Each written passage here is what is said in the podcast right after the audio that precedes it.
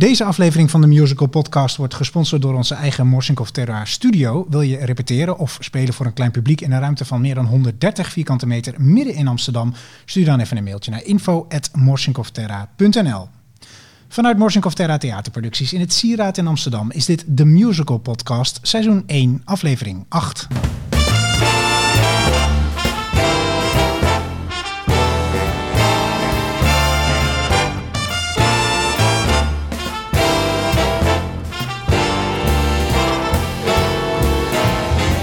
Welkom terug bij de Musical Podcast. Ook deze vrijdag zijn we weer met een eh, hele nieuwe aflevering. Leuk dat je daarnaar luistert.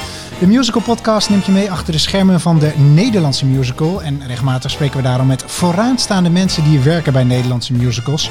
Van acteurs tot regisseurs, van makers tot producenten en van casting directors tot de mensen die verantwoordelijk zijn voor de marketing. De Musical Podcast komt regelmatig uit op vrijdag. En je kunt ons beluisteren via Spotify, YouTube, Apple en alle andere podcastplatformen. En als je het leuk vindt om naar ons te luisteren, vergeet dan niet om je even te abonneren op onze podcast via jouw favoriete platform of natuurlijk op YouTube. De Musical Podcast wordt geproduceerd door Morsinkov Terra Theaterproducties. En mijn naam is Michiel Morsinkov, musicalproducent. Voor meer informatie en een overzicht van alle afleveringen kun je kijken op themusicalpodcast.nl. Tijd om te beginnen met deze achtste aflevering van de Musical Podcast. En wie is vandaag onze gast? Onze volgende gast speelde al jong in musicals van het Nationaal Jeugd Musical Theater en ging daarna jazz musical aan de Amsterdamse Hogeschool voor de Kunsten studeren. Daarna speelt hij inmiddels al ruim meer dan 10 jaar in verschillende musicals en ook nog regelmatig is hij te zien in commercials en in series, waaronder bijvoorbeeld de serie Hashtag Tagged. En hij spreekt ook veel voice-overs in voor tekenfilms. Maar het meeste was hij te zien in musicals, onder andere in de musicals Urinetown, Daddy Cool, Saturday Night Fever, Rent, Sweeney Todd, Telkens Werredorp, Fun Home en Pijnstillers. En daarmee heeft hij inmiddels al gespeeld in producties van Stage Entertainment, Opus One, V&V Entertainment, M-Lab, De Lamar Producties en hij heeft zelfs een voorstelling gedaan bij de Nationale Opera.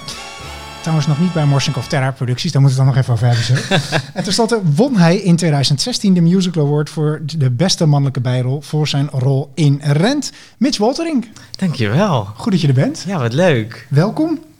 Wij kennen elkaar al heel wat jaren, maar we hebben nog nooit samengewerkt. Nee, dat nog mij meteen op ja, stom de hè? ja, de afgelopen weken hebben we voornamelijk heel veel mensen hier gehad. uh, en uh, de afgelopen zomer die, waar we wel mee samenwerkten. Maar ik dacht, nou, wij kennen elkaar hartstikke goed. Tenminste, we zien elkaar heel vaak. Ja, ja. en het is er nog niet van gekomen om samen te werken. Maar dan is dit misschien een mooi, uh, mooi eerste begin. Leuk dat je er bent. Ja, dankjewel. Um, um, laten we eens meteen beginnen met de inhoud over het spelen in een musical. Wat vind je interessanter? Je een eigen rol creëren voor een nieuwe productie of in een bestaande rol een nieuwe versie van een rol creëren? Want je hebt natuurlijk allebei gedaan. Um, ja, dat, dat ligt ook heel erg aan de regie en de tijd die je krijgt. Je, uh, als je een stuk al kent en je weet ook, ik wil die rol heel graag spelen, is dat heel gaaf. En als je dan ook nog bijvoorbeeld de vrijheid krijgt van de regisseur om samen uh, een nieuw onderzoek te beginnen, vind ik dat heel gaaf. Maar als je echt vanaf het begin een nieuwe rol mag creëren. Um, en de inhoud is tof, ja, vind ik dat ook cool. En als je die kans dan krijgt, um, ja, ik geniet er echt van beide.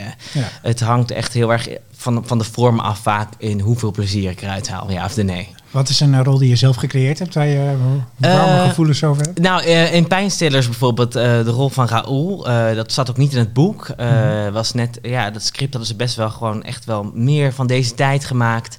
Het boek was toch alweer redelijk oud, um, waarin het verhaal ging over moeder en zoon. moeder krijgt kanker en in het boek is het dan haar zus of beste vriendin, volgens mij haar zus, die dan de zorg van haar zoon zou moeten overnemen. En in de musical was het haar beste vriend. En, uh, en dat wat dan alweer een hele andere situatie creëerde. Ja. En uh, samen met Robin van der Heuvel, ja, die gaf ons echt heel veel vrijheid in die repetities. En dat was echt, ja, dat vond ik heel bijzonder om ja. op die manier aan de slag te gaan. En echt zoiets van, van from scratch te beginnen en uh, dat te creëren. Maar natuurlijk heb je ook het andere gedaan, rollen gecreëerd die al bestonden. Laten we dan meteen even Angel uit Rent erbij pakken. Dat komt natuurlijk meteen to mind, zoals de Amerikanen zouden zeggen. Overigens, um, in de intro zeg ik dat je, dat je daar award voor, voor beste mannelijke bijrol. Nou, moeten we het daar eigenlijk ook nog eens over hebben. Volgens mij is Angel een hoofdrol. Maar goed, in ieder geval ah. goed dat, hij was, uh, dat je bent onderscheiden daarin. Um, dat is eigenlijk weer het hele andere, het hele andere uiterste, de hele ja. andere kant van het spectrum. Hoe is het om zo'n iconische rol die toch heel veel mensen kennen in een iconische productie? Ik bedoel, iedereen iedereen in het theatervak kent Rent, maar ook daarbuiten. Er is een film van geweest, er is een registratie van de Broadway-productie geweest. Rent is een van die toonaangevende iconische producties. En dan is Angel ook nog een van de grote iconische rollen daarin. Hoe is dat om dat te spelen? En geeft je dat ook nog wel ruimte? Of, uh, of is het ook een beetje een druk op je schouders? Het was ook echt een druk en ik vond het heel spannend. Want het was echt een droom voor mij om die rol te spelen. Ja. En uh, ja, het, het, het fijne daaraan was, was dat dit ook een nieuwe versie werd in het M-lab. En dat daar ook. We moest, er, was, er was weinig tijd, uh, dus er moest snel gewerkt worden. En je weet waar je mee gaat spelen, want je, ja, ik ken het man, materiaal van binnen tot buiten. Ja. Um, maar ja, je, je gaat toch wel, je duikt eigenlijk echt weer helemaal naar, oké, naar het papier. Dus vergeet alle versies, uh, bijvoorbeeld hoe je Today for You altijd hoe ik het zou zingen, ja. uh, gelijk aan de CD bijvoorbeeld. Je ging echt weer terug naar het begin. Wat staat er op de bladmuziek met Esra, uh, waar je ook mee gaat werken? Ja, dat was een onwijs fijne samenwerking. Waar ik in het begin dacht, oh, maar dat wordt toch heel anders gezongen. Maar we gingen echt terug naar die noot. Hij zei, oké, ik wil dat je echt instudeert wat hier staat. En dan ga jij je, de, je eigen versie ervan maken. En dan voel je vanzelf al wat lekker is. En um, tijdens het repeteren met Daniel, ja, we gingen echt wel uh, op zoek naar wat betekenen die karakters voor jou? Wat is jouw angel? En wat zijn de verhoudingen? En voor mij was het, wat ik heel graag met de rol wilde, is dat het geen stereotype zou worden. Want ja, ja een drag queen is hij dan in zijn vrije tijd, een straatmuzikant. En ik had zoiets van, ja, Angel, het is, de naam is al Angel. Het is letterlijk een beetje het hart van de voorstelling die de mensen verbindt, waarin ja. iedereen uit elkaar valt. Uh, was hij de, ja, een beetje dat kloppende hart, dat warme, die, die iedereen bij elkaar uh, weer trok. En dat was voor mij heel belangrijk dat het een likable karakter zou zijn. Uh, dus daar de randjes in te zoeken van, oké, okay, hoe maak ik dit karakter zo oprecht mogelijk? En ja. die ruimte was er gelukkig. En uh, ja, was, dat was heel fijn en gaaf om te doen. En Daniel, overigens, Daniel Cohen, de vertaler en uh, regisseur, die onlangs ook hier uh, te gast was bij de Musical Podcast. Ja. Waar je het over had, Daniel. Um, en dus je bent minder gaan kijken naar hoe is die rol aan zich en meer gaan kijken naar wat kan ik er zelf van maken op basis van het materiaal. Dat is misschien een beetje een beetje wopperig ja. omschreven, maar ik nee, ja. echt terug naar het materiaal. En toen heb je dus gekeken, oké, okay, dat is wat het op papier is en dan maak ik er mijn eigen ding mee. Ja, ja, ja, ja. En dan met, met de creators, het is ja, niet uh, alleen mijn, mijn verdiensten. Maar uh, dat was wel echt mijn doel. Dat ik dacht van oké, okay, uh, want ik vond het ook heel spannend hoor. Uh, uh, in, in, vrouwenkleding, mensen die een mening over je gaan hebben of zoiets. En ik, je gaat dood in de voorstelling ook nog. Dat ook. Ik, en ik wilde Spoilers. Dat, ja, spoiler. dat weet iedereen denk ik inmiddels. Maar. De meeste. Ja, ik wilde dat daar een krachtig personage zou staan. En, en dat je echt de liefde van dat personage voelde. Van oké, okay, hoe belangrijk die vriendengroep en de mensen om hem heen waren. En hoe snel dat in die tijd ja, ging. Het was echt letterlijk op leven of dood. Bijvoorbeeld zijn relatie met, met Collins. Oké, okay, we weten beide van elkaar, we zijn ziek. Maar oké, okay, we kiezen voor elkaar. En laten, laten we er alles uithalen ja. in de korte tijd die we mogelijk nog hebben. Dus dat vond ik echt belangrijk. Dat, ja, dat, ja, ik heb het nu al heel vaak gezegd, maar dat, was, dat was mijn doel. Ja, hartstikke goed. Nou, het is volgens mij ook hartstikke goed gelukt. Uh, om, naast dat je die prijs hebt gewonnen, volgens mij ook echt een uh, mooie voorstelling. En jullie hebben daarna ook nog volgens mij nog weer in, uh, in Dolomar ook nog een ja, teruggehaald. het is drie keer hebben we ja. het mogen spelen. Dus dat was ook echt heel bijzonder. Want waar ik de eerste keer zelf nog dacht, oeh, ik had er misschien nog meer uit willen halen. Maar dat heel snel, wat ik, weet je, was een korte repetitietijd, korte speelperiode mochten we het nog een keer spelen. En daarna in de Lamar uh, hebben we ook nog een toertje vanuit gehad. Ja. Ben je toch drie keer in die rol, heb je drie keer in die rol kunnen duiken. En ik heb het ook drie keer met een andere Collins uh, mogen spelen. Ook nog even in een uh, ranting concert, ook nog uh, met de andere ja. Collins. Dus, dus het gaf me telkens ook echt iets nieuws. En waren de dingen die je specifiek nieuw ontdekt hebt of veranderd hebt in die verschillende versies? Um, ik denk dat, mij, dat, dat mijn vertolking van Angel wel ook wat... Um, krachtiger of zelfverzekerder werd op een gegeven moment ook. Waar ik net in het begin uh, bijvoorbeeld vooral meer dat lieve opzocht. Uh, en het oprechte durfde ik, heb ik naar het einde toe wel meer een randje aan kunnen geven, omdat ja. ik het karakter beter begreep. Ja. En dat is dan wel gaaf aan uh, überhaupt aan voorstellingen spelen. Als je het lang mag spelen, dat je, ja, dat je, ja, dat je echt um, voeten in de aarde kan zetten in een rol. Ja, te gek. Ik heb daar ook wel eens, uh, ook hier bij de podcast, ook wel eens met makers over gehad dat het sowieso goed is als je een voorstelling gaat maken. Dat je het eigenlijk gewoon even een paar weken of een paar maanden voor publiek moet spelen. Dan even Ja. stoppen en dan weer terug naar het materiaal en doorontwikkelen. Ja, absoluut. En eh, in film is dat ook heel normaal. Hè? Dat weet misschien niet iedereen die dit, die dit beluistert. Maar als je een film draait, tenminste eh, films met een beetje budget. Dat, Ja, eh, ja. dat is in Nederland soms ook nog niet altijd mogelijk. Maar dan ga je een film draaien en dan in de montage blijkt... ja, dat moet eigenlijk anders, dat moet eigenlijk anders. En dan ga je gewoon weer met iedereen weer terug naar de set en die dingen aanpassen. ja, ja, Eigenlijk zouden we daar bij musical ook weer meer tijd voor moeten gaan ja, dat zou echt een droom zijn. Want in Amerika gebeurt het natuurlijk. Absoluut, die workshops. Ja, Ja, ook met ja. Rent is begonnen eh, in de jaren negentig in New York Theater Workshop. En daarna naar Broadway gegaan. Er zijn er ook dingen, dingen verder eh, aangepast. En nog even terug naar eh, toen je nog heel jong was. Want we hadden het in het begin al even over. Je bent natuurlijk al heel jong gaan spelen bij, bij het Nationaal Jeugd Musical Theater toen. Ja. In musicals. Dus musical was wel iets, neem ik aan, wat je altijd, wat je altijd wilde doen. Ja, en ik wist niet eens dat het bestond. Ik, eh, ja, ik keek natuurlijk altijd alle Disney-films. En ehm, toen ging ik op een keer met mijn tante en mijn nichtje naar eh de 101 Dalmatiërs van Ja. het Nationaal Jeugd Musical Theater in de Meervaart. En dat was eigenlijk de allereerste keer. Ik weet nog wel dat het doek open ging. En ik zag daar kinderen, volwassenen staan in een soort van Vondelpark-achtige setting met kleuren en ballonnen. En ik dacht, wow. en die, in die, die hele film, het was echt een hele andere versie, maar het kwam tot leven. En ik dacht, Ja. ja, maar je kan zelf dus een Disney-film spelen. Je kan Ja. het gewoon beleven op het toneel. Toen dacht ik echt wauw. En toen ben ik het gewoon eerst thuis in mijn kamer gewoon na gaan spelen. En was je we. toen? eh, ja, wat zal ik geweest zijn? Tien, denk ik. En eh, toen eh, gingen we, denk ik, een jaar later. eh, kwam de The Wizard of Oz, tovenaar van ons, in het theater. En toen had ik pas de film gezien met Judy Garland. En ik weet nog dat ik met mijn moeder ging naar die film kijken. En ik was helemaal blown away van wat ik zag. Want je kon heel duidelijk in die film de sets en de decors zien. Dat het eigenlijk echt decorstukken Ja. waren. Wat dan overliep van een set naar in een muur. En toen dacht ik, oh, maar dat is gewoon een muur. Ik ga dat ook maken. En ik weet nog, heb ik mijn moeder textielstiften gekocht. En dan ging ik op lakens, de Emerald City en alles natekenen. En was ik later niet tevreden. Dan ging ik met papier-maché aan de slag om dan die bomen te maken. En toen zouden we naar de tovenaar van Os gaan. Die stond er in het theaterboekje van de Meervaart. Bij mijn tante zagen we dat. En ik dacht eerst, mm, ja, ik wil dan alleen eigenlijk de filmversie zien. Ik dacht, dit wordt een hele andere versie. En ik Ja. was zo gehecht aan die film. En toen gingen we kijken met z'n allen. En toen begon het. En ik hoorde gelijk Somewhere Over the Rainbow in de Nederlandse versie. Toen dacht ik, maar dit is nog leuker. Het is in mijn eigen taal. En toen eh, ja, was ik echt blown away. Dat was de première, weet ik nog. En toen zijn we daarna gaan vragen... ehm, oh, een auditieformulier. Of ik wellicht ook auditie kon doen daar Ja. bij, de, bij de school. Maar ja, ik woonde in Hilversum, dus dat was niet echt gebruikelijk. En eh, toen heeft mijn moeder heeft wel echt gezegd, ja, maar hij wil, het, hij wil het echt heel graag. En toen mocht ik later auditie doen. En toen heb ik denk ik een jaar later, het heeft denk ik twee seizoenen gehad, heb ik de laatste paar voorstellingen van de Tovenaar van ons nog mee kunnen spelen. Ja. Er kwam er nog een nieuwe kindercast, dus dat was wel heel bijzonder. Toen ben ik daar terechtgekomen. En wat zijn denk je voor jou de belangrijkste stappen die je hebt gezet van dat jongetje en die laatste paar voorstellingen van eh de Wizard of Oz naar uiteindelijk helemaal die musical award winnen, maar vooral naar professioneel het vak ingaan. En je opleiding natuurlijk, en daar het straks ook over hebben. Maar zijn er dingen waar je toen al mee bezig bent geweest van ik wil dit gaan doen en bepaalde stappen die je toen gezet hebt? Nou ja, ik merkte dat ik toen. eh, ja, het was eh, eigenlijk ook een bizarre tijd. Het voelt, als ik daar nu aan terugdenk, als een hele andere wereld. Want op jonge leeftijd, we gingen alle theaters af in Nederland. En met een grote castbus vol met kinderen en volwassenen.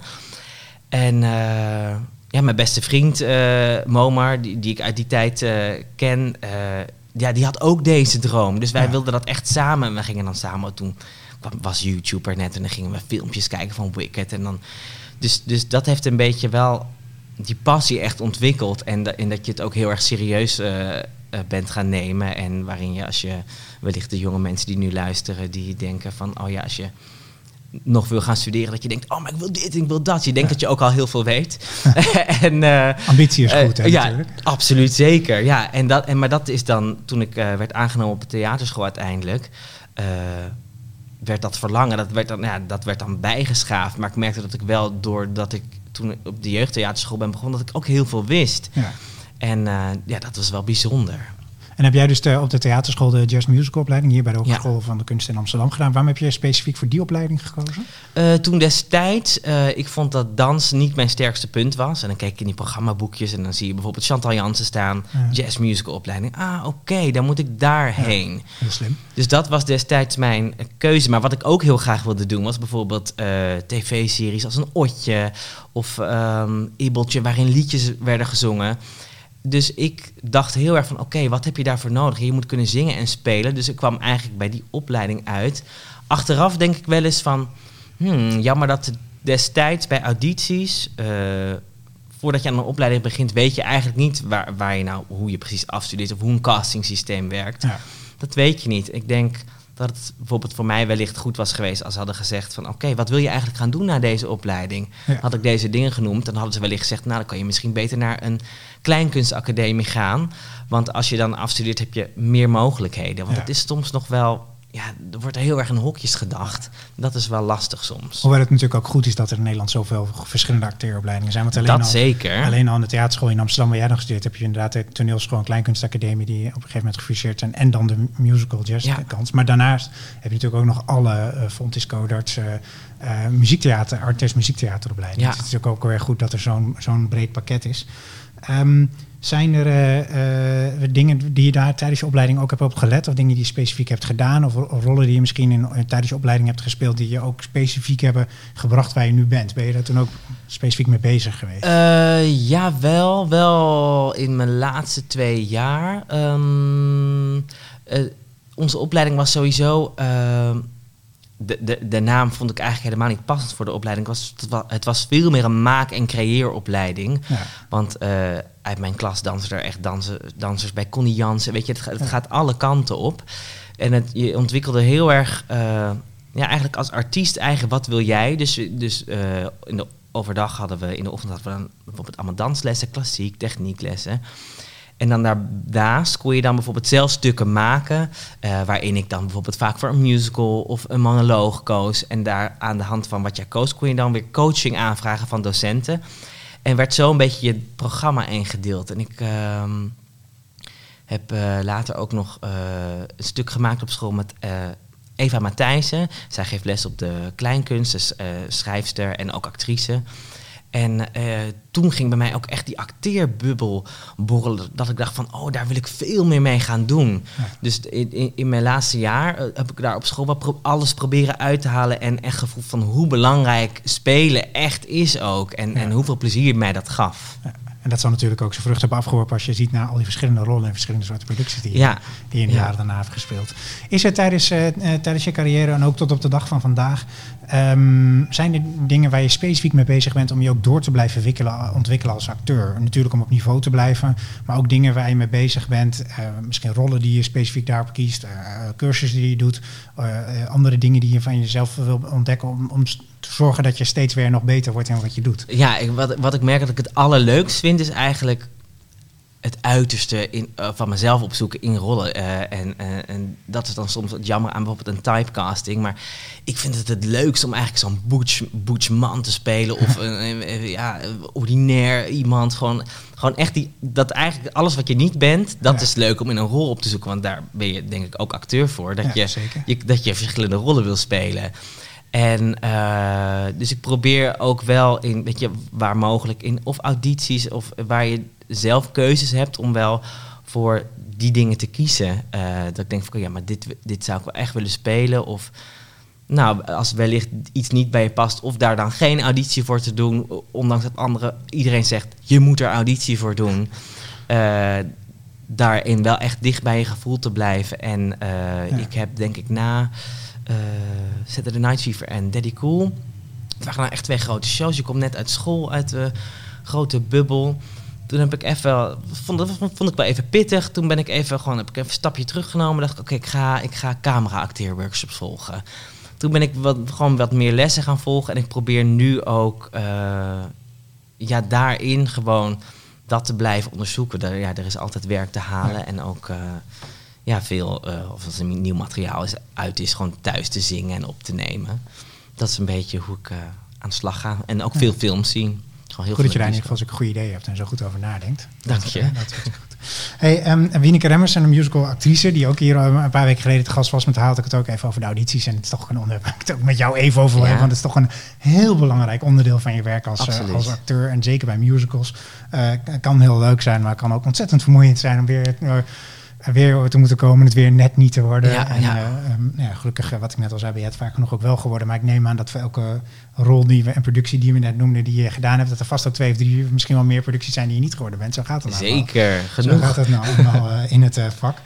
Ehm, hoe benader je eh, ehm, audities? Kun je daar ook specifiek in trainen of in beter worden? En is er iets waar, waar je, waar je steeds mee op let van... oké, zo ga ik een auditie in, zo zorg ik dat ik mezelf het beste presenteer? Ja, nou, ja het, heel cliché, maar het allerbeste is gewoon voorbereiding. Jij, dat jij echt weet, oké, wat ga ik spelen? En dat je het gewoon materiaal van binnen tot buiten kent. Dus dat je eigenlijk nooit, ondanks dat je zenuwachtig bent, je niet hoeft te twijfelen. Ik weet niet waar de scène over gaat. Ook al zou ik een zin niet weten, weet je gevoel wel. Ja, maar ik weet wat ik bedoel. Dus dan zeg je desnoods iets anders. Maar dat je echt begrijpt wat je speelt. Dat is, dat is voor mij eigenlijk het allerbelangrijkste om een auditie in te gaan. En dan vervolgens in de auditie is er heel veel sfeer bepalend. Dat je denkt, oké, ik krijg geen contact met die mensen. Prima. Eh, dan moet je gewoon echt bij jezelf blijven, en rustig blijven en vertrouwen op je kennis. En Ja. dat is dus echt je voorbereiding. Want als je dat niet doet, als je de- denkt twee dagen van tevoren, ga er even naar kijken. En je komt in een hele ongemakkelijke situatie terecht, heb je niks, heb je geen houvast. Dus dat is denk ik echt de kennis ehm, qua voorbereiding. En daar verdiep je dus ook heel erg heel goed in van welke rol het welke productie is. Maar daarbij speelt natuurlijk ook weer waar we het net over hadden. Dat de ene rol staat al vast, of tenminste is al bekend Ja. hoe dat gaat. En de andere rol helemaal niet. Ja, ja. Ja, en, je- en ja, en wat, wat, wat lastig is soms, eh, is dat er... De ene auditie is echt een feest. Dan is het gewoon een soort van werksessie. Dan ben je binnen 10 minuten klaar. En dan heb je echt het gevoel van... Wauw, ik heb echt ik heb lekker gewerkt. Ik heb Ja. alles laten zien. Als ik het nu niet word, maakt het me niet eens uit. Want we hebben lekker gewerkt. Ik heb Ja. het gevoel dat ik gezien ben. Ja. En dat is denk ik voor de meeste acteurs... Als je het gevoel hebt dat er niet echt naar je gekeken is... Dan denk je, ja, ik heb, wat, wat is er nou gebeurd net? Dat, dat, dat is een lastig iets. En daar moet je denk ik voor jezelf proberen om te gaan. Dat niet te persoonlijk maken. Eh, ik, ik weet nog wel dat ik net afgestudeerd was. Dat veel mensen dan zeiden... Ja, maar mail dan waarom ik niet ben geworden of zo. En, en, en dan denk ik, ja, in hoeverre heb je daar iets aan? Soms heb je er misschien iets aan. Als dat echt een gevoel is wat aan je blijft kla- knagen... dan Ja. moet je het misschien zeker doen. Maar ik heb zelf wel geleerd dat ik denk van... ja, dat, ja, het- de, de keuze verandert toch niet. En ja, er zijn, er, je bent nou eenmaal met een hele grote pool en dan was het Ja. wellicht niet voor jou weggelegd. En stel dat jij wel echt denkt van nou, maar die rol was echt voor mij. Als je dat gevoel blijft houden, ja, dan kan je er altijd nog wel een mailtje misschien achterna Ja. sturen. Maar Heb je dat wel eens gehad, dat je auditie hebt gedaan, dat je echt dacht, dit zou echt de perfecte rol zijn voor mij, maar je loopt naar buiten en denkt, het is niet gelukt, ik heb het niet laten zien. Ehm, jawel. eh, ja, Zonder, je hoeft heb- niet per se buiten Nee, ja, te heb, ja, maar- heb, ja, heb, ik zeker wel gehad ook. Dat ik, dat ik denk van, oh ja, maar ja, ik voel helemaal dat, dat het helemaal bij mij past. Maar als Ja. je dan niet... eh, ik heb wel al die keren gehad dat ik het zelf dacht van, ja, ik voel het hele... eh, ik voel dat ik alles kan geven. Maar dan voelde ik wel in de auditie vaak toch wel of een blokkade dat het niet aankwam. Of dat er niet van achter de tafel dat ze niet genoeg geïnteresseerd waren. Dat ze dachten, oké, hoe speelt dit is zo? Dat ik, dat ik voelde, oké, wij spreken volgens mij niet dezelfde taal. Ja. En dat is dan vaak dat ik dan ook achteraf denk, ja, maar dan was het ook niet goed geweest. Want als ik het wel dan was geworden, dan had je waarschijnlijk een hele lastige repetitieperiode Ja. gehad. Als je niet met iemand dezelfde taal daarin spreekt hoe je een rol wil benaderen, ja, Ja, dan, zeker. Dan eh, ik heb dat wel eens gewoon bij grote shows ervaren dat ik voelde van oké, ik weet, ik, ik heb echt zin om deze rol wat ondeugender te spelen of om daar andere kant mee op te gaan of, of, of dat ik voel van ja, ik heb, daar wil je echt mee spelen, maar dat je echt voelt van oké, het boeit ze niet, ze willen dat jij naar rechts loopt, ze willen dat je die hoge noot kan zingen. Ja. En dan gaat het voor hun gewoon puur om, oké, wie zingt het mooiste die noot? Ja, Ja. eh, dan eh, was je dat niet. Ja, en het kan natuurlijk ook heel erg, inderdaad, dat staat ook een beetje bij Amer te maken hebben, dat ze gewoon zo'n team, en ik heb natuurlijk aan de andere kant van die tafel Ja, vaak ja. gezeten, samen met de makers, dat, je, eh, dat zo'n creatief team al een tijd met zo'n voorstelling bezig is. En dus inderdaad heel specifiek een beeld in hoofd is, dit is wat we zoeken. Ja, En dan komt er iemand binnen die fantastisch is, maar die niet dat biedt wat, wat, ze, wat ze zoeken. Qua type persoon, qua stemsoort, qua whatever. En dan inderdaad, en dan kan het wel zijn dat je dan... eh, dat het dan daardoor zo eigenlijk heel ongeïnteresseerd wordt ja gedaan. maar dat is helemaal niet erg. Terwijl Ja, ja. inderdaad, je hart, hartstikke goed bent. Het moet ook wel matchen wat dat betreft. En dat, is, eh, dat maakt het ook soms ingewikkeld. Maar goed dat je daar zo, eh, dat je daar zo positief mee omgaat. Want dat is dus een ding waar ik het eh, tijdens de podcast ook met, eh, met Wieneke Remmers over had. Is dat het is ook een afwijzingsproces. Want ja. al ben je nog zo goed, ehm, er, er gaan altijd wel vijf tot tien mensen op zijn minst, bij sommige grote producties nog veel meer, mensen voor één rol auditie doen. Dus dat betekent Ja. gewoon dat, als je, dat altijd de kans, weet je wel, groot is 80% Het is groter dat je wordt ja, afgewezen. dat je Ja, wordt afgewezen. En dan moet je wel maar weer omgaan weer te horen Ja, van ja, het ja. is wel goed, maar eh, sorry, weet je wel, maar niet. eh. en ehm, m- scherm je daar dan een beetje van af of ga je daar juist heel bewust mee om? Eh, nou, ik probeer het vooral niet persoonlijk over mezelf te laten gaan. Het is ook wat je zegt, soms ben je gewoon dat plaatje niet. En dat is dan, dat is dan vervelend, echt. Maar mm, wellicht heb je er ook weer wat van geleerd. Het, Ja. ja. ik heb... ehm, bijvoorbeeld, ik, ik, eh, tijdens een auditie probeer ik vaak toch wat te mediteren... of me heel erg echt tot mezelf te richten. En ja, als je het dan niet wordt, ja, zo be it. Ja. Want, eh, en, en ook altijd wel in je achterhoofd te houden... dit is niet het einde. Eh, het jaar is niet voorbij. Volgend jaar komen er weer nieuwe producties. Ja. Er wordt altijd iets gemaakt en ook in je achterhoofd hebben. Nou ja, je kan ook altijd nog zelf iets maken of met Ja. mensen om de tafel gaan zitten. Dat De- heb je een tijdje geleden ook gedaan en daar komen we straks ook nog even over te ja, praten. het is goed. Maar goed punt. Ehm, maar laten we focussen op de rollen die je dan, eh, die dan wel krijgt. Laten we bijvoorbeeld hebben het over Fun Home, prachtige productie ook. Ja. Waar Maarten Vogel, de producent van, eh, ook onlangs hier te gast was. En eh, jullie de Musical Award voor Beste Kleine Musical. Ja. En volgens mij, en daar gaan we het ook straks nog even hebben, zijn er plannen ook even... Afgezien hoe het met corona gaat, dat die voorstelling nog een tijdje gaat eh toeren. Ehm, maar kun je ons bij, bij specifieke de rol die jij in Fun Home speelde, is meenemen in dat proces? En je vertelde er net al iets over hoe dat er gegaan was bij Angel in Rent van eh, eigenlijk voorbereiding tot première. Wat je doet om je eh, qua research, om te voor te bereiden, wat je doet in het maakproces. Het is een heleboel vragen tegelijk. Ja, ja, ja. Wat jouw input is, waar je meer op de regisseur leunt. Hoe, hoe je zo'n, kun je dat eens vertellen aan de hand van jouw rol en Home, ons daar eens in meenemen in dat proces van het maken van zo'n rol. Ja, eh, ik speelde. ehm, je had echt het, het gezin in Fun Home. En dan had je eigenlijk eh, de vaderfiguur die eh, komt in aanraking tijdens het hele verhaal met verschillende mannen, jongens. En ik speelde daarin allemaal verschillende kleinere rollen. Ja. Dus ehm, van tevoren heb ik het mat- materiaal onderzocht en eh te denken, oké, wat, wat ga ik hiermee doen? Het belangrijkste voor mij was, oké, je moet dus heel kort eigenlijk pieken op korte momentjes en, eh, en in, verschillende rollen duiken. Eh, hoe krijg je dat ja, goed geaard? Dat was, dat was echt wel een zoektocht. En, ik vond dat eh, misschien ook wel een van de moeilijkste dingen die ik tot nu toe heb gedaan. Ehm, en het was heel, eh, heel, ja, heel- echt, want ja, we hadden ook, weet je, eh, Koen heeft een nieuwe regie ook, eh, dus, dus, dus, dus die wilde ook echt wel iets anders. En er was bijvoorbeeld één rol waarin ik, eh, had ik heel anders benaderd. en er ging toen, Koen op een gegeven moment, had- ik een scène met Ad Knippels en dan zaten we samen en dan zei hij, oké, kan je het nu nog een stapje heftiger spelen en dan nog een stapje heftiger. En eh, toen dacht ik eerst, ja, is dit, is dit de kant die we op moeten gaan? Ja. Dat vond ik dan wel spannend. En dan, ja, dan moet je daar toch aan overgeven. En als je dan voelt van, oké, dat het werkt, dan, dan, dan, dan is dat het. En eh, dus dat was ook wel een zoektocht soms. En waarin ik ook dacht van, hmm, oké, waar kan ik dit rolletje weer aandikken? En eh, even apart nog met iemand repeteren. En ehm, ja, dat was, dat, was, dat was echt wel een hele andere benadering dan... ehm, als je één rol hebt, dan heb je echt de tijd om echt in één personage heel, heel lang uit te diepen. Daar was hier minder tijd Ja. voor.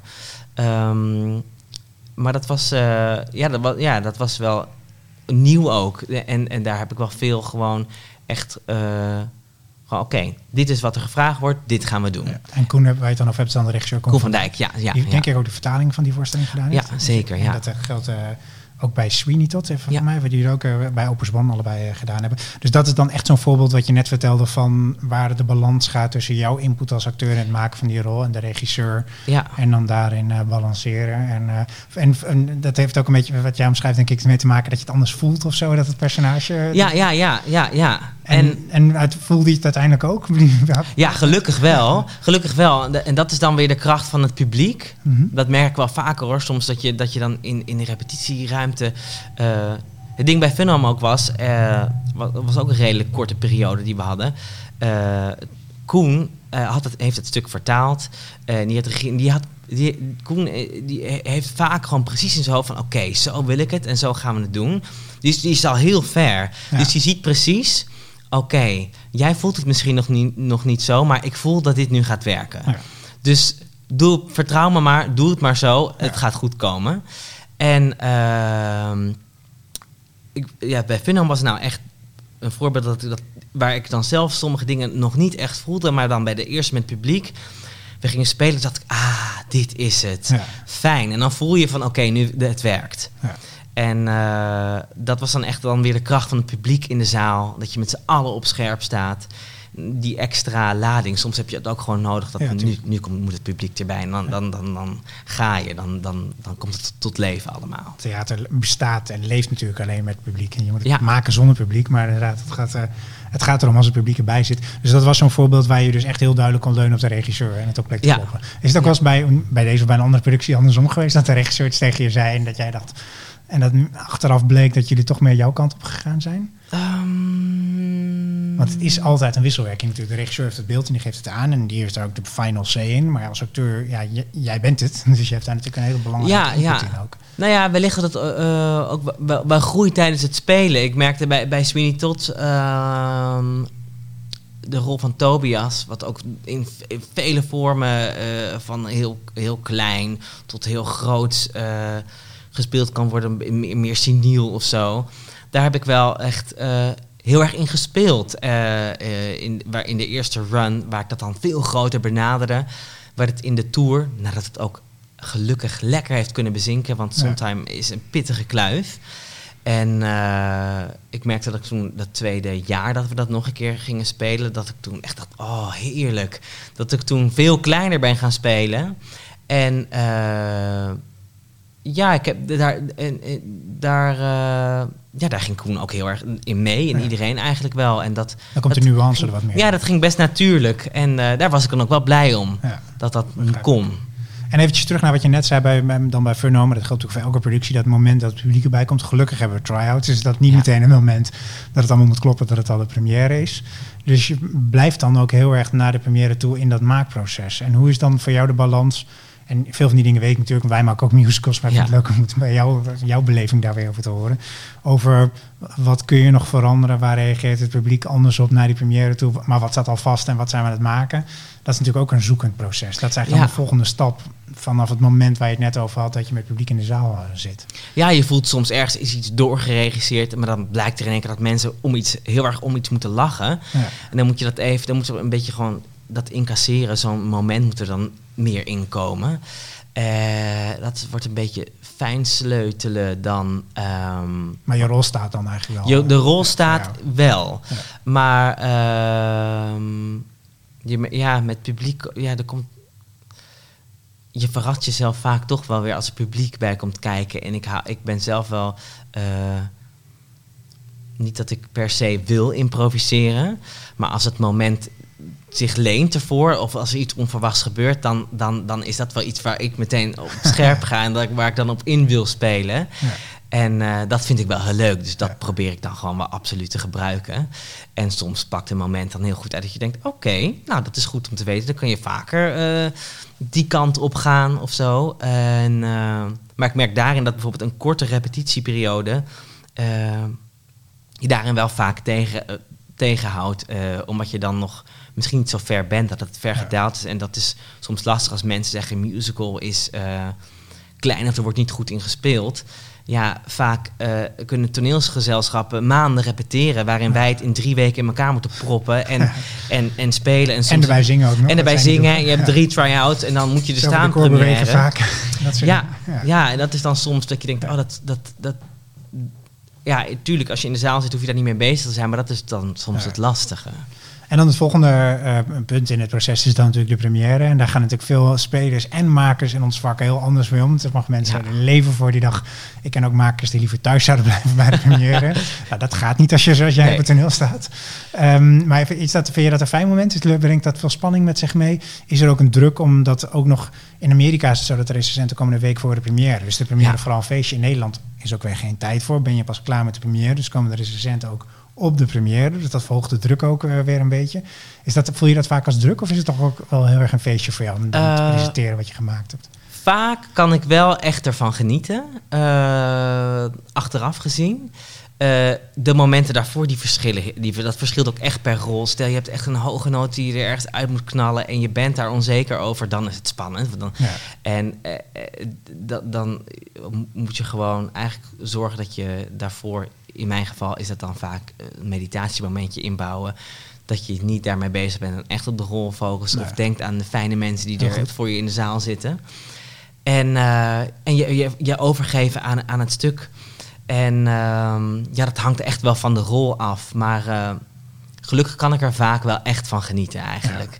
En, en, en vooral ook, ja, je staat er tot- maar toch weer mooi met een hele club. En dankbaar voor, met de mensen met wie je mag samenwerken. En dat je, Ja. da- dat je dan proberen om het voor elkaar, met elkaar te spelen. En Ja. daar gewoon blij om te zijn. En ook Mooi hoe je dat benadert mijn woord. nou, dank je. Ja, wat ik vaak probeer te zeggen tegen mezelf is: meer dan ik nu kan, kan ik niet spelen. Ja. Dus, ik, dus, dus eh, soms heb je dat je op het toneel staat en denkt.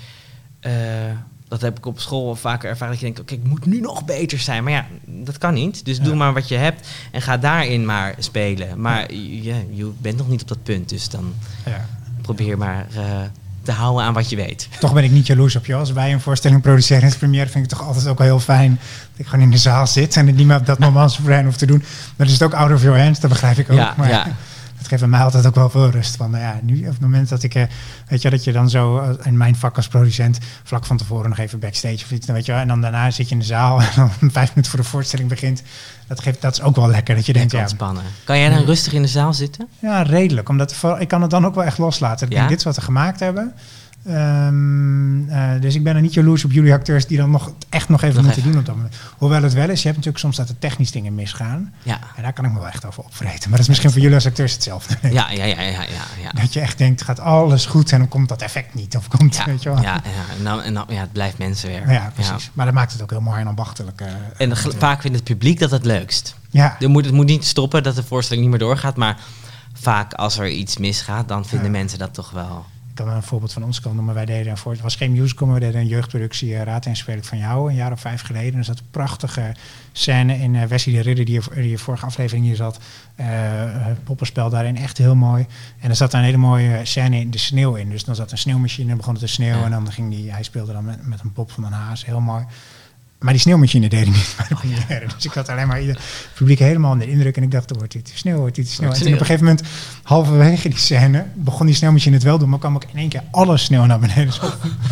en ik dacht echt, wat gebeurt er? Maar inderdaad, precies wat jij zegt. Het publiek vond dat prachtig. En dat Ja. is ook wel heel leuk inderdaad. Heb jij ook zo'n voorbeeld van iets waar je, waar je een keer... Hoeft niet bij, bij een première te zijn hoor. Het kan ook tijdens de tour. Maar dat er iets gebeurde en dat je dacht, ja, dat was eigenlijk niet de bedoeling. En dat het dan toch heel goed uitpakt. Nou ja, dat was bij eh eh Rent eh, in de Mar, een van de laatste voorstellingen. Uh, daar was er een scène. Angel die probeerde wat mensen te kalmeren. En eh, er was een karakter in de voorstelling had zijn kat verloren. Daar was Angel verantwoordelijk voor. Eh, of nee, hondje. En ik deed alsof het een kat was. Ja, ja, Kita En, precies, ja, ja. en ik werd aan de kant geduwd. En op dat moment viel mijn pruik af. Maar ik moest precies zingen eh, iets over een kat. Dus het ging echt in een split second. Maar die pruik viel af. Ik pakte het op en ik deed alsof het een kat was. En ik begon die kat te aaien, mijn pruik dus. Heel goed. En die hele zaal lag in een scheur en begon te klappen. En ik had het zelf, ik had zelf eigenlijk niet eens door dat het, Ja. dat het zo'n momentje was. Maar dat pakte heel goed uit. En eh, ja, bij Urinetown hebben we echt hilarische momenten gehad. Van dat er, of een, eh, was op een gegeven moment, dat was al een beetje een satirische voorstelling. En dat ik een koffer met geld opendeed. En dat was eigenlijk gewoon een, grote plakkaat met papier. Met daarbovenop wat briefjes. Dus ik die koffer zo open. Het was een onthulling. En iedereen ging zo dan oh doen. En toen was het echt zo. Ik deed die koffer open. En die hele plakkaat met geld dat viel op het podium. En iedereen ging zo oh. Uh, uh, de, toen ging die hele zaal ging stuk. Dus dat was een moment waar ik dan eigenlijk dacht: oh nee, gênant, ik schaam me dood. Maar dat werd heel goed op gereageerd en Ja. iedereen begon te lachen. En het paste eigenlijk best wel in de voorstelling, waardoor Ja, het heel leuk werkte. Dat is natuurlijk heel belangrijk. Wat jij net zei van, van Angel, wat je deed, dat past binnen de beleveniswereld van wat Angel zelf ook had kunnen doen. Ja, Dat was ook het personage Angel als die echt zou leven. Dat was niet zijn of haar haar. Dat was ook een pruik. ja Dus dat precies. je dan niet doet wat Angel ook zelf had gedaan. Dat is denk ik heel belangrijk. Want je ziet soms ook wel eens dat acteurs dan gaan, en dat noemen we met een mooi woord ook wel smeren in ons vak. Ja, ja. Dingen gaan veranderen die eigenlijk niet binnen de beleveniswereld van het, de productie of het personage passen. En Ja. dat is natuurlijk wel een belangrijke balans daarin. Ja, daar moet je echt op waken. Ja, dat het inderdaad vanuit de- rol gebeurt, dat het past. Ehm, welke ro- rol of rollen uit jouw carrière vind je zelf het meest geslaagd? Er werden heel wat genoemd, maar wat is waar degene waar je op terugkijkt, je denkt, nou, dat, dat, daar ben ik echt het meest trots op. Ehm, ja, eigenlijk dan wel Angel. Waar, eh, dat, was ook, ja, dat was ook echt wel een droom. Maar waar ik zelf ook heel blij eh, om ben, is eigenlijk wel Urinetown. Dat Mhm. was het eerste, eh, mijn stage. En dat was gelijk wel ook wel een van de moeilijkste dingen destijds voor, hoe, voor, voor wat ik kon. En, en eh, ja, je komt, eh, we waren stagiaires en we waren met een club van 12. En we stonden met echt wel grote namen in een productie. Ja. En er kwamen in één keer vier stagiaires bij die ook allemaal twee grote rollen moesten spelen. En ik dacht echt, oh my god. En ik moest een, ja, echt een, een zaken, een beetje een koorbal, een beetje een zakenmannetje moest ik spelen. En eh, een soort van rebellenleider die het echt slecht had. En dat waren twee dingen die best wel ver van me aflagen. En, ik, en op die auditie had ik echt eh, half schoor, schoor, ja, schoor geschreeuwd, weet ik nog. En dat ik echt dacht van, nou, eh, als ik dit elke dag moet doen... En dat was echt tijdens de repetities echt zoeken. En dat was echt aanpoten. En uiteindelijk, ehm, ja, dat lukte. En heb ik daar zoveel plezier aan beleefd. En, dat, en, en nu, ik zou dat eh, eigenlijk heel graag met dezelfde club nog een keer willen spelen. Eh, ja, daar heb ik wel echt veel plezier aan gehad. En dat lag zo ver van me af dat ik echt, dat vond ik echt heerlijk om te spelen. En ook wel dat ik, eh, was eigenlijk stiekem, vond ik wel een mooi compliment. Mijn moeder die zei toen na de première. Ja, in de eerste scène had ik niet eens door dat jij dat was. Oh, dat omdat mijn fysiek heel anders was. En dat ik achteraf dat ik denk van, oh, dat was eigenlijk heel mooi dat ze dat Ja. zei. En, en, en, en mensen denken toch vaak bijvoorbeeld aan de laatste dingen die je gedaan hebt. Ik weet nog wel dat ik net naar Rant dat iemand vroeg... Ja, maar kan je dan ook heel mannelijk spelen? Ik, nou, je hebt Urinetown gezien. Eh, oh, ja, oh ja, oh ja. En dat, dat, ze vergeten dat dan heel snel. Jij hebt bij de Tour gedaan, volgens mij. Ja, de Tour, Ik ja. heb het toen in M-Lab gezien, werd daarvoor nog. Ja, Maar, en daar was Chiara Rey ook bij betrokken, natuurlijk bij... eh, ja mijn klasgenootje ja, ook. die zat bij jou in de klas Ja. natuurlijk ook. Ja. Was ook hier laatst in de Ja, in nou, de podcast. trots op haar, Ik wist, niet jullie bij, ik wist wel dat jullie dezelfde opleiding hadden gedaan en allebei teruggingen, zeg maar, qua, dat daar ongeveer jullie professionele carrière al bij begon. Ik wist niet dat jullie bij elkaar in de klas zaten. Nou, wij gingen samen met zweet in de handjes naar de auditie van Urinetown. Ja, en je hebt dan vaker nog met haar gewerkt ook, want veel van die Opus One producties waar we het net over hadden, was zij natuurlijk ook weer bij eh, betrokken. Ja, Sweeney, ja, dat was wel onwijs bijzonder. Ook Ja. dat je dan met je klasgenoot en een hele goede vriendin, overigens echt een Ja. van mijn beste vrienden ook, dat je dan samen aan zo'n productie eh, mag werken. Ja, te gek, zij als eh, maker en jij als, eh, als speler. Ja, Ehm, veel van die producties, nou we zeiden het al even bij Euratown Day bijvoorbeeld de tour. En veel van die tours moeten toch ook, en dat is ook het leuke, maar ook eh, eh, wat een musical anders maakt van bijvoorbeeld een toneelstuk die vaak een paar keer speelt, is dat een musical ook heel vaak speelt. ja. En eh, er zijn ook producties die, hem, zoals in M-Lab inderdaad, dan is het misschien niet zo vaak, hoewel het daar weer een paar keer teruggekomen is, maar vooral die tours, dan sta je toch op zijn minst wel 50 keer dezelfde voorstelling eh, te spelen. Ik kan me voorstellen, geen enkele avond is hetzelfde. De zaal is anders regelmatig, het publiek is anders. Ehm, wat doet die energie met je en wat doe je zelf om de voorstelling op peil te houden? Of zijn er ook nog dingen die veranderen? Nou, je zei net al even als je een rol opnieuw gaat spelen, Ja. maar ook dingen die van avond tot avond kunnen veranderen. Dingen waar je op let van oké, ik speel dit 50 keer en het moet ook bij de 35ste en de 49ste keer zo goed zijn als bij de eerste en de laatste keer. Ja, ja, toch wel echt bewust zijn. eh, eh, als je minder geconcentreerd bent. Want je publiek betaalt gewoon die volle prijs. Dus Ja. je moet het geven. Maar eh, ja, het, uit, de, uit de groep halen. En, en ehm, of nieuwe dingen eh, zoeken. Ook, ja, het, ja, zo proberen we echt in het moment te blijven met elkaar. Eh, ik heb het geluk gehad dat de meeste van die voorstellingen die ik deed... dat het dan of met een redelijk kleine groep was, dat het ook echt kon. En, ehm, dus dat je, en dat je veel op het toneel was. Maar bijvoorbeeld eh een Saturday Night Fever, wat dan eh, een megaproductie eh was. Eh, dat je ook momenten hebt dat je gewoon echt af bent in de kleedkamer. Dat je wel, eh, ja, zodra je op het podium staat, je moet toch weer pieken. Ja. Eh, dat, je, ja, dat je goed opgewarmd bent. Dat was dan echt met veel dansen ook. En ja, in een grote productie is dat misschien soms nog moeilijker, omdat je dan echt ook verder van het geheel soms kan afstaan voor je gevoel. Ja. En dan toch weer ja, redelijk in de buurt van de coulissen blijven, een beetje, eh, blijven kijken wat gebeurt er. En ehm, In plaats van dat je zelf een grote rol speelt en eigenlijk alleen maar aan het spelen bent de hele Ja, tijd. ja, ja, ja, zo in natuurlijk. Dat is een ding. Wat Wieneke ook zei overigens. ja, Dat kan me voorstellen inderdaad. Maar ook bijvoorbeeld, ik kan me ook voorstellen dat zeker met een toerende productie, in elke regio kan het publiek weer wat anders reageren. oh ja, ja, nou ja, dat is wel, dat, ja, nou, Dat kan het ook interessant en spannend maken natuurlijk. Is ook spannend, maar ook soms heel eng. Ik weet nog wel, bij Urinetown, dat wa- was... Die tour liep, dat liep heel goed. En wij, nou, we hadden echt, het publiek was waanzinnig. Die wa- Ja. waren zo lief. En nou, dat, dus wij, ja, we gingen echt allemaal vliegen. Toen speelden we een keer in Hoofddorp. En de hele zaal was stil. Er werd, niemand lachte om niet één grap. En wij dachten, wat is dit? En wij, wij keken elkaar allemaal een beetje aan van, oké, gaat het nog goed? En we moesten echt ons proberen om zelf die, die focus en energie te houden. Zodat wij niet dachten, ja, dit, dit, dit, dit stort helemaal in. Ja. Eh, de mensen vinden het niks. En dat was echt pittig. En wij dachten daarna, dit was een hele gekke voorstelling. En toen, er was een borrel aangeboden van het theater. Dus wij gingen daarna naar voren. Nou, het pu- publiek was uitzinnig. Ze vonden het geweldig. En, Ja. wij, en wij hadden zo'n andere beleving. Wij dachten dat ze het niks vonden. Maar die vonden het heel leuk. En dat was wel een moment dat het heel spannend was. En dat, en dat we echt ons best moesten doen om gewoon, oké, doorspelen. Dat je niet wil overcompenseren. Maar ook niet dat je erin gaat hangen omdat je denkt, nou, ze vinden het niks. Dat was, Ja. dat was een hele spannende avond, weet ik nog. Dan had je ook heel erg gefocust op die manier natuurlijk. Ja, ja, ja. En zo werkt het ook hè, met het publiek. Dat, eh, ik hoorde dat ook als het verschil bijvoorbeeld eh, eh, tussen New York en Londen. Ook weet je wel, waar zijn de en Amerikanen. Die gaan de hele voorstelling mee. En in Londen de Engelsen blijven heel rustig zitten. Ja, ja. En die gaan op het eind helemaal los. Maar dat kan zelfs hier binnen Nederland inderdaad zo zijn. Dat je in een regio komt waar mensen gewoon op een andere manier op een voorstelling reageren. En het ene is niet beter dan het ander. Nee. Maar ik kan me wel voorstellen dat je even schrikt dat je Ja, wij schrokken echt heel 40 erg toen. ja. Ja. aan de hele zaal alleen maar zitten lachen. En mensen zijn ineens stil. Ja, is, ja. en het kan soms ook nog mee te maken hebben dat er bijvoorbeeld gewoon mensen die zijn uitgenodigd door een sponsor of zoiets. Wat heel goed is dat er sponsors en bedrijven zijn die voorstellingen boeken. Laten we dat voorop stellen. Nee, Maar die gaan er zeker. met een andere energie in dan iemand die 60 of 50 euro voor een kaartje heeft betaald. Ja. En denkt van ik ga nu de avond van mijn leven hebben eh, natuurlijk.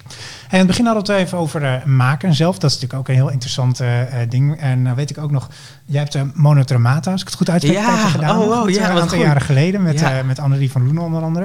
Hadden jullie een soort eigen maakclubje. Ja. Ehm, wat zijn je ambities qua maken? Zijn, zijn er dingen die je, die je wel eens, nou, behalve dus Monotomata, maar dingen die je gedaan hebt of wilt gaan doen nog in het zelf maken van voorstellingen? Ja, ik, eh, nou, op, op school heb ik eh, veel gemaakt en daarin vind ik de regisseren ook heel cool. Maar wat nu eigenlijk bovenaan mijn lijstje staat, is eigenlijk een, een kinderprogramma, een televisieprogramma. Of op YouTube, want daar kijken kinderen nu heel Ja. veel op. Dat, dat staat eigenlijk bovenaan mijn maaklijstje. Ik heb al een paar jaar een idee en eh, dat ben ik nu onder ook, andere ook aan het uitwerken. En toen kwam er eh, eigenlijk afgelopen zomer, nu tijdens corona, kwam er een project op mijn pad wat heel erg aansluit op mijn eigen ideeën ook. Eh, voor een kinderprogramma. Niet, dat heb ik niet zelf gemaakt. Maar dat, daar, daar ben ik nu aan het werk. We gaan volgende week beginnen met draaien. Leuk. Wat voor mij.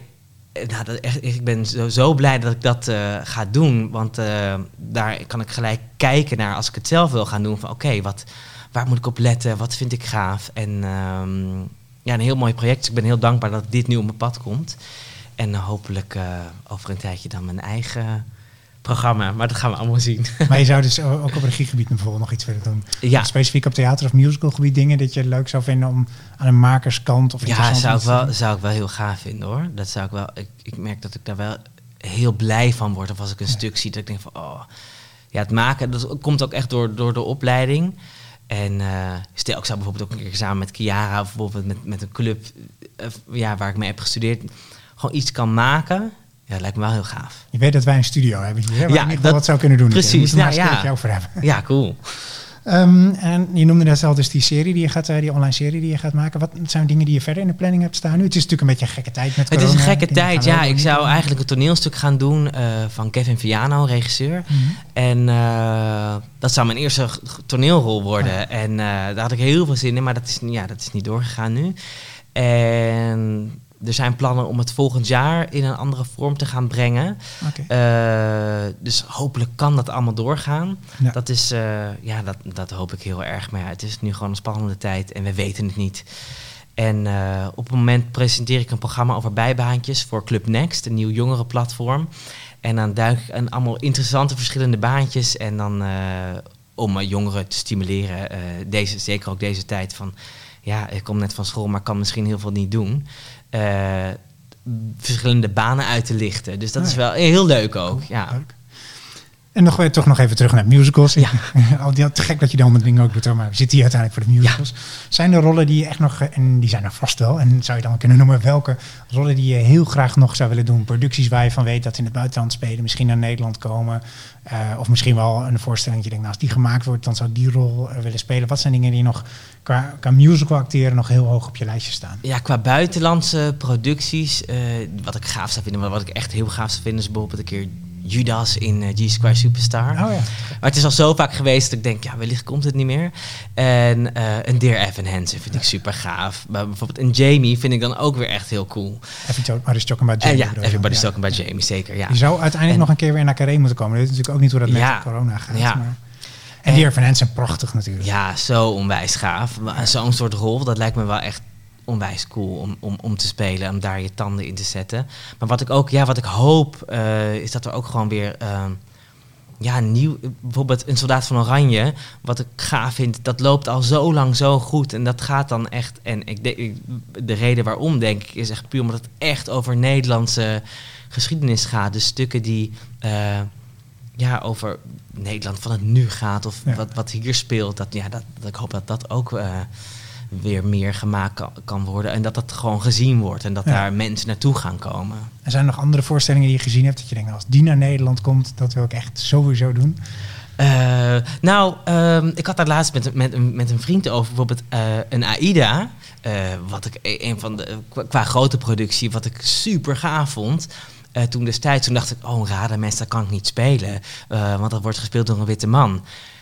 Maar toen hadden we het erover en, zei, en toen zei hij, ja, als dat ooit weer komt, ja, dat kan natuurlijk nooit meer door een witte man gespeeld worden. En toen, dacht, toen ging ik daar een keer over nadenken. En toen dacht ik, oh ja, grappig, het speelde zich daar af in Egypte. Dat inderdaad, het hoeft helemaal niet. Dus uh, als de, uh, bijvoorbeeld uh, ja, een AIDA, daar heb ik, dat vond ik zo gaaf. Ja. Zoiets, daar zou ik echt ook wel in willen staan. En sowieso is het goed dat we hopelijk eindelijk, en daar zijn het lopers in Amerika dan wel weer voorop. Politiek lopen wij voorop qua klimaat, maar casting, dat er niet dat gewoon colorblind wordt gecast. Dat ze gaan kijken wie is het beste, beste voor die rol inderdaad. En dat het juist eens een keer weer iemand van een andere etniciteit laten spelen. Ja, ja. Hey, de tijd zit er bijna op. Heel leuk om met je te praten. Echt heel inspirerend om wel mooie dingen te, te horen van je. Um, we sluiten af met de vraag waar ik uh, bij iedereen uh, mee afsluit. En dat heb je misschien gehoord bij, uh, bij iedere afleveringen. En dat is als we tien jaar verder zijn. Dus we zitten nu in 2020 en dan in 2030. Hoe verwacht je dat een Nederlandse musical er dan uitziet over tien jaar? Mijn verwachting weet ik eigenlijk niet. Maar wat ik hoop, wat ik echt hoop, is dat er nog meer kruisbestuiving is. Dat er echt dat ook die termen, musical, muziektheater, dat het allemaal gewoon maar een beetje in het midden blijft. Maar dat er gewoon mooie producties worden gemaakt met muziek en dans en spel. En dat het gewoon over ja, onderwerpen, over helden van hier, van in, wat, wat nu speelt, over de politiek van nu, Black Lives Matters. Dat ik denk van, als, als, als, we die kant op zouden kunnen gaan, en dan hoop ik echt dat het zichtbaar is op televisie en dat mensen daar en dat er.